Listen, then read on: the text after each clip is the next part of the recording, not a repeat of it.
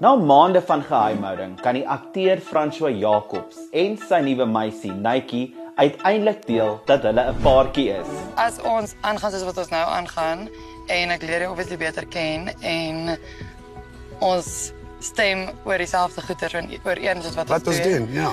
Dan ja, dan kan ek 'n toekoms saam met jou sien.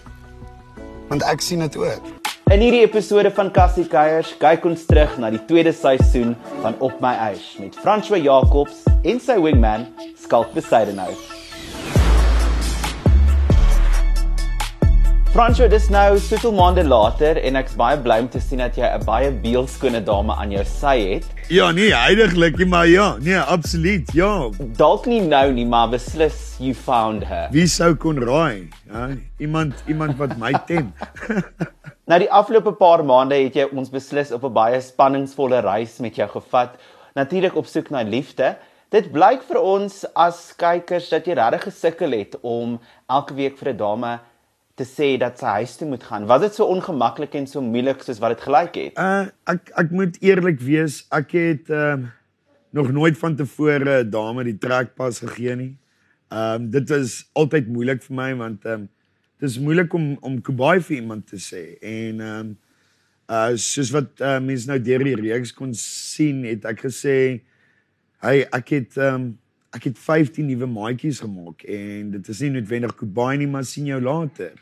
En en dit was dit dit was definitief beslis iets ehm um, wat vir my moeilik was en swaar op my hart gelê het. Ehm um, en ek moes leer, ek het so baie vir myself geleer ehm um, om om maar net 'n straight shooter te wees en eerlik te wees en sê jy is nie noodwendig my pasmaat nie, maar beslis 'n vriend van my. Ek wil gou stil staan by iets wat my altyd opval wanneer ek na 'n dating show kyk. Dis hierdie idee rondom verhoudingsbou en egte verhoudingsbou. Uh jy het oor die afgelope paar weke heelwat vrye uitgedeel, 'n paar gebroke harte ook daar gelaat.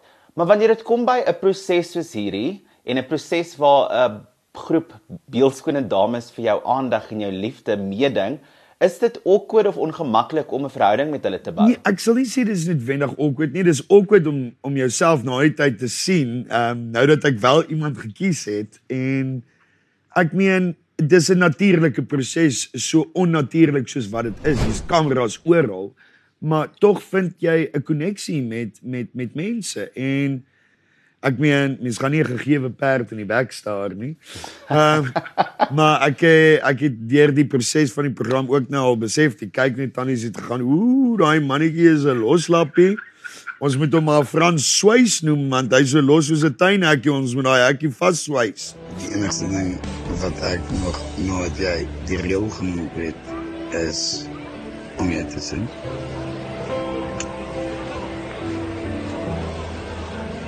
Jy weet my poggetjie nie. Jy Maar weet- swaai nou.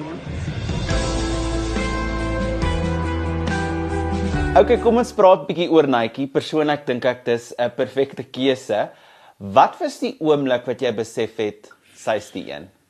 Sjoe, uh daar was een van die episodes en ek kan nie onthou wat se episode dit presies was nie, maar daar was 'n dag wat ons uh by Klipkoppie Dam op die water was en ek weet nie iets het net in my geshift toe ek met haar praat en en ek kon dadelik sien presies dieselfde gebeur met haar en en ons het na die tyd daaroor gesels. Nie nie een van ons het met die intensies uitgaan nee ek gaan iemand hier ontmoet en dit is hoe dit is nie. Ons is ons is beide daar vir dieselfde rede om 'n goeie tyd te hê.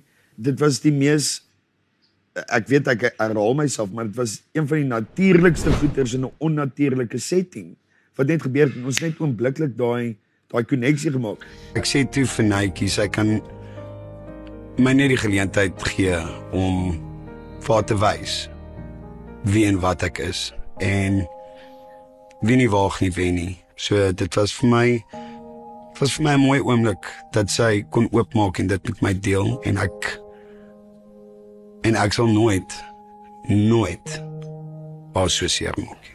So ek wou nou gevra het of die trouklokke al lui, maar daai vragie is heelwat voortydig. Wel ietsie waar die kykers gaan wonder, is daar druk om te trou? glad nie. En dit is die grootste ding van alles. Ek meen ek kon deur die proses ook gesien het van die dames is beslis gemik daarop om nou 'n man te vind en te trou en te settle en en dit is glad nie my netjie se plan nie. Ek meen ek het oop kaarte gespeel van dag 1 af. Ek is nie of ek ek stel nie belang om nou dadelik trou nie. Maar sy is beslis nie ehm um, een van daai dames wat sê put a ring on it en ehm um, trou klokke. Ek meen en en sou dit gebeur, ehm um, sal dit spontaan en miskien in Vegas gebeur en niemand weet nie. Jy weet so uh daar's geen druk nie. Ehm uh, nie van een van ons se kante af nie. Ek meen ons is almal al, albei nog bloedjonk en uh, het 'n groot lus vir die lewe en ek ek ek voel daar's nog 'n hele avontuur wat vir beide van ons voor lê voor daai chapter van ons lewe eers gaan intree en ehm um, daarvoor uh, is ek dankbaar dat ons op dieselfde bladsy is. Ja.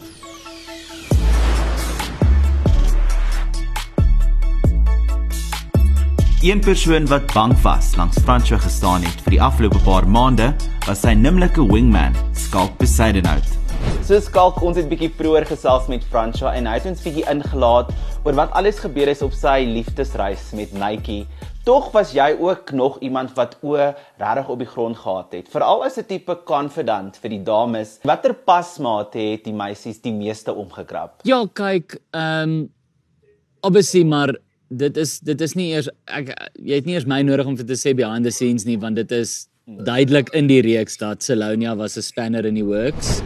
Ehm um, eerstens ek dink die feit dat sy baie mooi is, baie fiks en ek bedoel dit nie in 'n in 'n perv manier sy is fiks, ek bedoel sy is fisies fiks en sy tattoos, sy het hierdie so so van X factor aan haar wat wat agter die skerms gebeur het.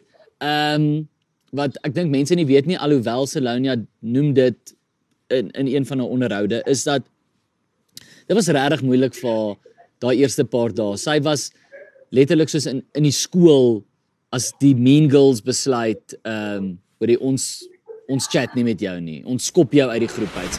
Cool man. Jy is die eerste ou wat my ooit gelos het. So cheers to you. Congratulations. Dat is nice. Ek los. Wat 'n pleasure. Ek het jou nie gelos nie. Ja, het, maar dis goed. Dit en ek dink jy doen dit op 'n groot tyd en is great en en alles is fyn.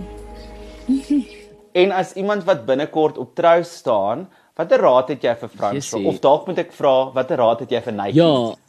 Ja, ek ek ek ek wou sê eintlik die advies moet eerder wees vir Nike, maar om eerlik te wees, ek gaan nou advies half moet uitdink want ek het ek het regtig net nie advies vir hulle nie want die ding is ek het hulle al gesien post die show en uh, they've got it figured out. So hulle is happy, hulle het nou al jy kan sien hulle het nou al al die moeilike gesprekke, lewensgesprekke, show gesprekke ehm um, en hoe hulle als nou gaan hanteer en vorentoe beweeg. Daai goed is oor gechat, hulle is op dieselfde bladsy.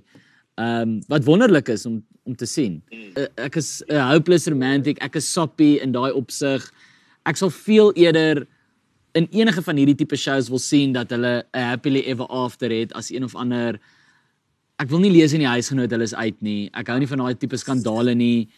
Ek dit is nie ek wil hê dit moet werk. Ek wil hê dit moet werk want anders anders voel jy selfs as kyker soos ag oh, waar waar net ek my tyd invest. Ons hoor graag van jou op sosiale media. Laat weet vir ons wat jy dink van François se besluit. Onthou daai hitsmerk Cassie Keiers. Maak dan ook seker jy's volgende week ingeskakel waar Bobby van Jaarsveld saam met ons kom kuier en gereed maak vir die nuwe seisoen van Spoorloos.